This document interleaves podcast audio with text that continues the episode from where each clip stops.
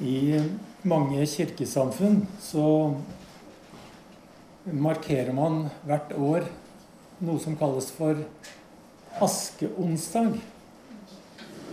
Det er en dag i kirkeåret. Jeg vet ikke om dere har lagt merke til det. Jeg kan vel si at det har ikke hatt noe utprega plass i vårt miljø. Men det er interessant en dag som kalles askeonsdag. Det er den første onsdag etter fastelavn. Og det er 40 dager før første påskedag. Og for de som er interessert, så er det i år 2. mars. Jeg syns det eh, er interessant som et slags symbol. Noe man kan feste tankene på. Askeonsdag handler altså om at de troende får innviet aske, enten dryssa på hodet eller tegna som et kors i panna. Jeg har et bilde som eh, viser korset i panna. Vi kan godt ha det hengende ute mens vi preker her. Her ser vi hvordan mange kirkesamfunn, bl.a. Den norske kirke, Den katolske kirke, Metodistkirken også, eh, markerer askeonsdag. Jeg syns det er altså interessant som et symbol. Det er en handling som selvfølgelig først og fremst peker mot påsken. Og det er en handling som minner om det som hente på korset. Og de orda som leses i forbindelse med askeonsdag, det er fra Salme 90 og det tredje vers, hvor Bibelen sier 'Husk, menneske, at du er støv, og skal vende tilbake til støv'. Nå er det ikke noe fornedrende, selvfølgelig, i at mennesket blir betegna som støv. Det er bare et uttrykk for at vi mennesker er en del av skapelsen. Av skaperverket. Og det er altså eh, Askeonsdag, Askeonsdag er også en dag da man minnes at menneskelivet er flyktig, og at livet er begrensa. Korset i panna. Egentlig tenker jeg at eh, vi alle har det korset tegna i panna, selv om det er usynlig.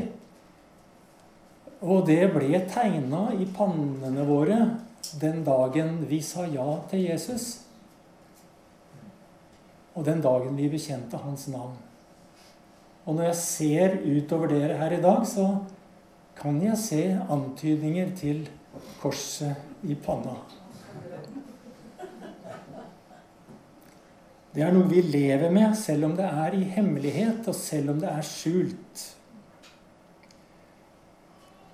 Og korset i panna, det minner meg om at jeg som menneske lever i skjæringspunktet mellom det jordiske, som jo er flyktig, og det guddommelige, som er evig. Og Henrik Wergeland har gitt uttrykk for det her på en veldig konkret måte. Et sted så skriver han Menneske, husk at du er støv. Men menneske, husk at du er mer enn støv. Jeg er en del av skapningen, av materien, av jorda. Og vi bruker jo det ritualet i forbindelse med begravelser, f.eks. Av jord er du kommet, til jord skal du bli. Det er en del av meg. Men samtidig, og det er viktig å få med seg, da Samtidig så er jeg et åndelig vesen. Skapt i Guds bilde til å være Guds tempel. Og det er i det der skjæringspunktet som jeg føler at det der korset i panna er så relevant, på en måte. Vi lever i det kryssfeltet mellom å være menneskelig og forgjengelig og å være kalt til å være et tempel for Guds ånd. Det er å være menneske, og det er å være kristen. Å være menneske, det innebærer også å bære på en hjemlengsel. En hjemlengsel til et land som jeg på en måte minnes, men aldri har sett. Korset i panna, det peker først og fremst mot påsken. Og korset i panna minner meg om at mitt liv er en forløsning. Er en fortelling om en forløsning. En forløsning i korsets tegn. Og Jesus er min forløser.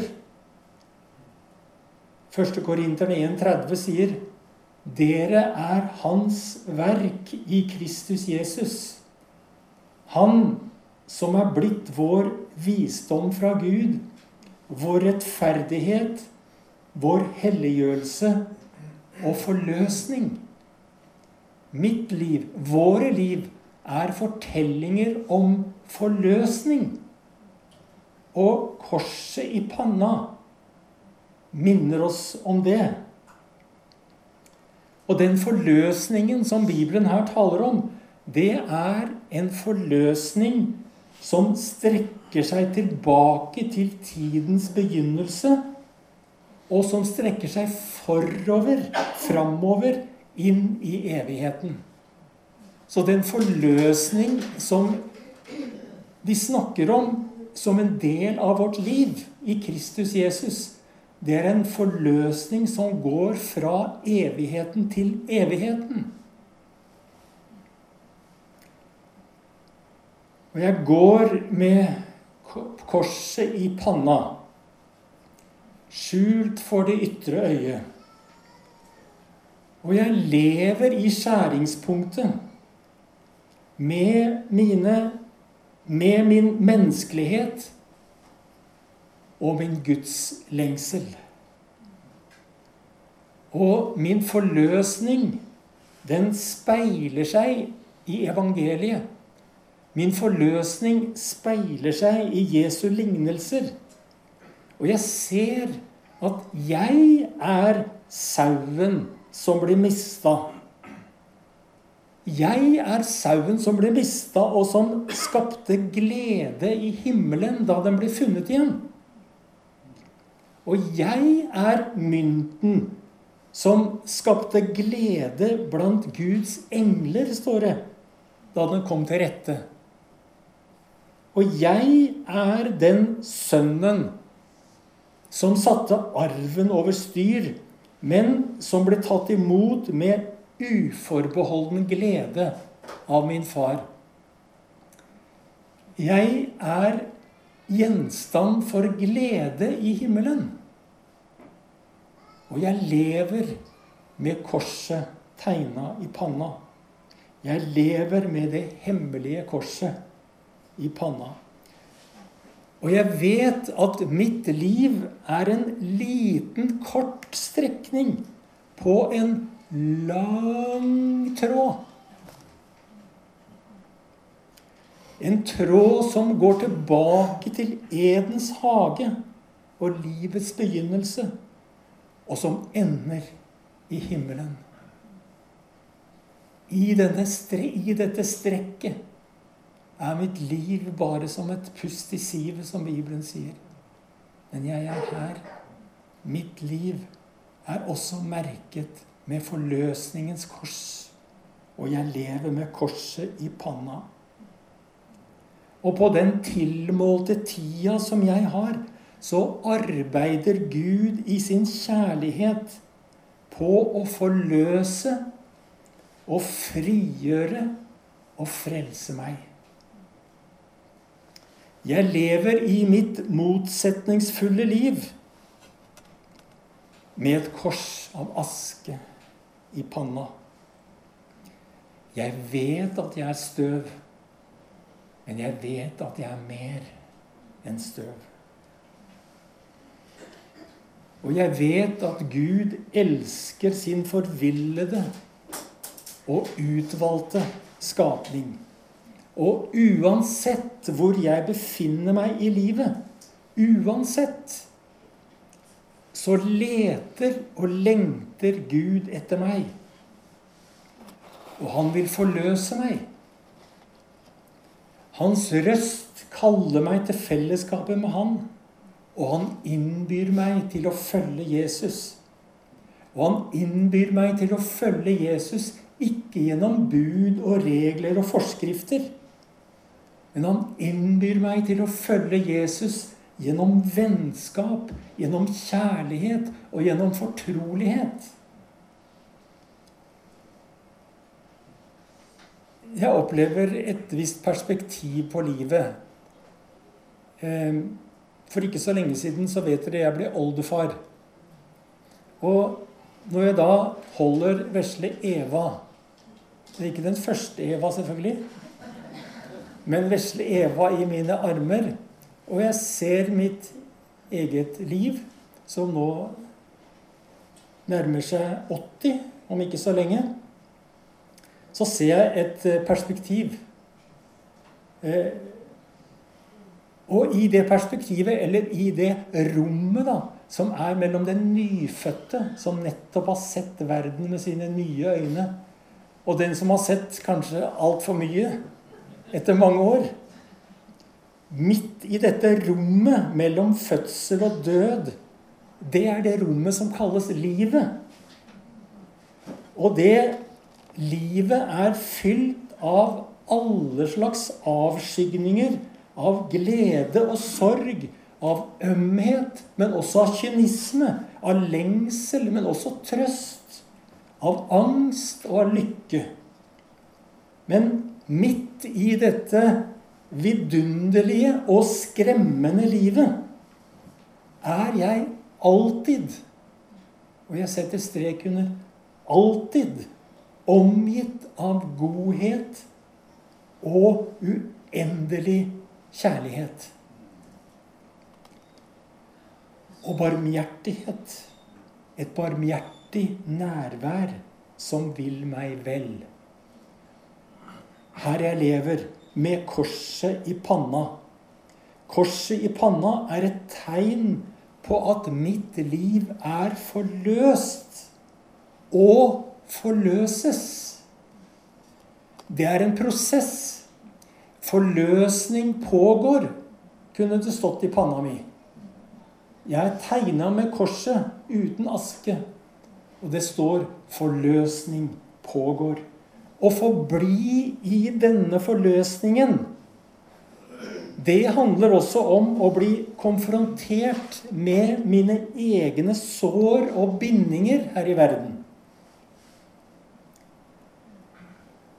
Forløsningen har av og til sin pris.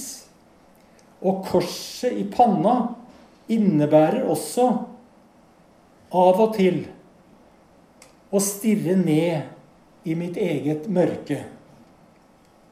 Og det skjer som oftest ikke friksjonsfritt. For i våre liv så er det mye som ennå ikke er forløst. Men som forløseren lengter med tålmodighet etter å ta seg av. Og forløsning skjer ikke uten kamp. Når illusjonene tas fra meg, mitt eget overmot, min egen kraft, da blir jeg både sårbar og fri på samme gang. Og da hjelper det i denne prosessen når forløsningen pågår som, har, som sterkest i mitt liv, da hjelper det å vite at Gud husker at jeg er støv. Det står i Salme 103. I den gamle oversettelsen som jeg var vant med, så står det Han kommer i hu at du er støv. Det er jeg glad for.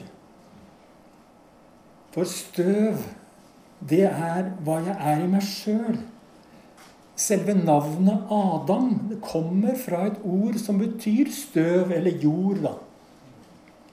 Og Bibelen beskriver Gud som både bortenfor, over og i alt som er skapt. Gud er både fremmed og kjent. Han er både fjern og nærmere enn min egen pust. Og i det spenningsfeltet lever vi som kristne.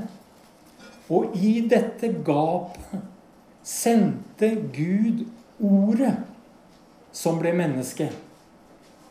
Og han sendte ordet for å sammenføye det forgjengelige med det uforgjengelige. Og her er vi tilbake til korset i panna. Her er i det korset er det forgjengelige og det uforgjengelige sammenføra. Og det er for evig. Gud har forenet det som går til grunne, med det som i evighet består. Hebreerne 9 uttrykker det på denne måten. Med sitt eget blod gikk han inn i helligdommen en gang for alle og kjøpte oss fri for evig. Derfor er Kristus mellommann for en ny pakt. Han døde for å kjøpe oss fri, for at de som er kalt, skal få den evige arven som var lovet dem. Sagt med andre ord Gjennom ordet som ble kjøtt og blod, kan kjøtt og blod bli ett med ordet. Og det er hva det betyr å være tegnet med korset i panna. På askeonsdag kan jeg akseptere min menneskelighet og akseptere min begrensning. Jeg vet at jeg er støv. Jeg kjenner de sår som, har, som, livet har pådratt meg. Og jeg vet at de må stelles, bandasjeres og pleies. Av og til begråtes. Men de kan tross alt leges når de blir opplyst av den ild som overvinner alle netter. Å være merket med korset er å være tegnet med den høyde og den bredde som berører uendeligheten. Og Guds ånd vil lede blikket mitt mot Jesus. Han vil vise meg den store hemmeligheten, det dype mysteriet, som er lukket for forstanden, men åpen for troen. Og mysteriet er at alt det som Kristus er i sin natur, det vil han gi til meg gjennom delaktighet i ham. Jeg er glad for at jeg er tegnet med korset i panna. For det er nåde. Eh, The Message eh, uttrykker det her mysteriet på sin egen måte. På denne måten. Mysteriet er i et nøtteskall er dette. Kristus er i dere Derfor har dere del i Guds herlighet. Så enkelt er det. Det er fra Kolossenserne 1,27. jeg bærer, og vi bærer, det her hemmelige korset på våre panner. Og vi bærer det som et vitnesbyrd om vårt fellesskap med Skaperen og alt det skapte. Det er den horisontale linja i korset. Men jeg bærer også korset som et vitnesbyrd om at fellesskapet er blitt skada. Fellesskapet med Gud har blitt skada og skjult.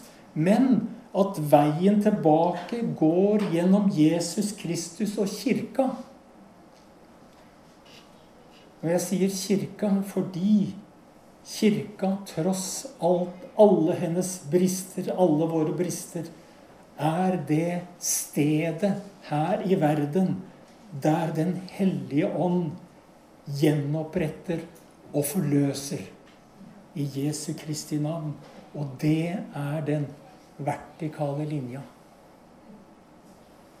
Så takk, Gud, for at vi er tegna med korset i panna, og at vi lever hver dag tegna med korset i, i panna. Enten det er askeonsdag eller en vanlig søndag i februar.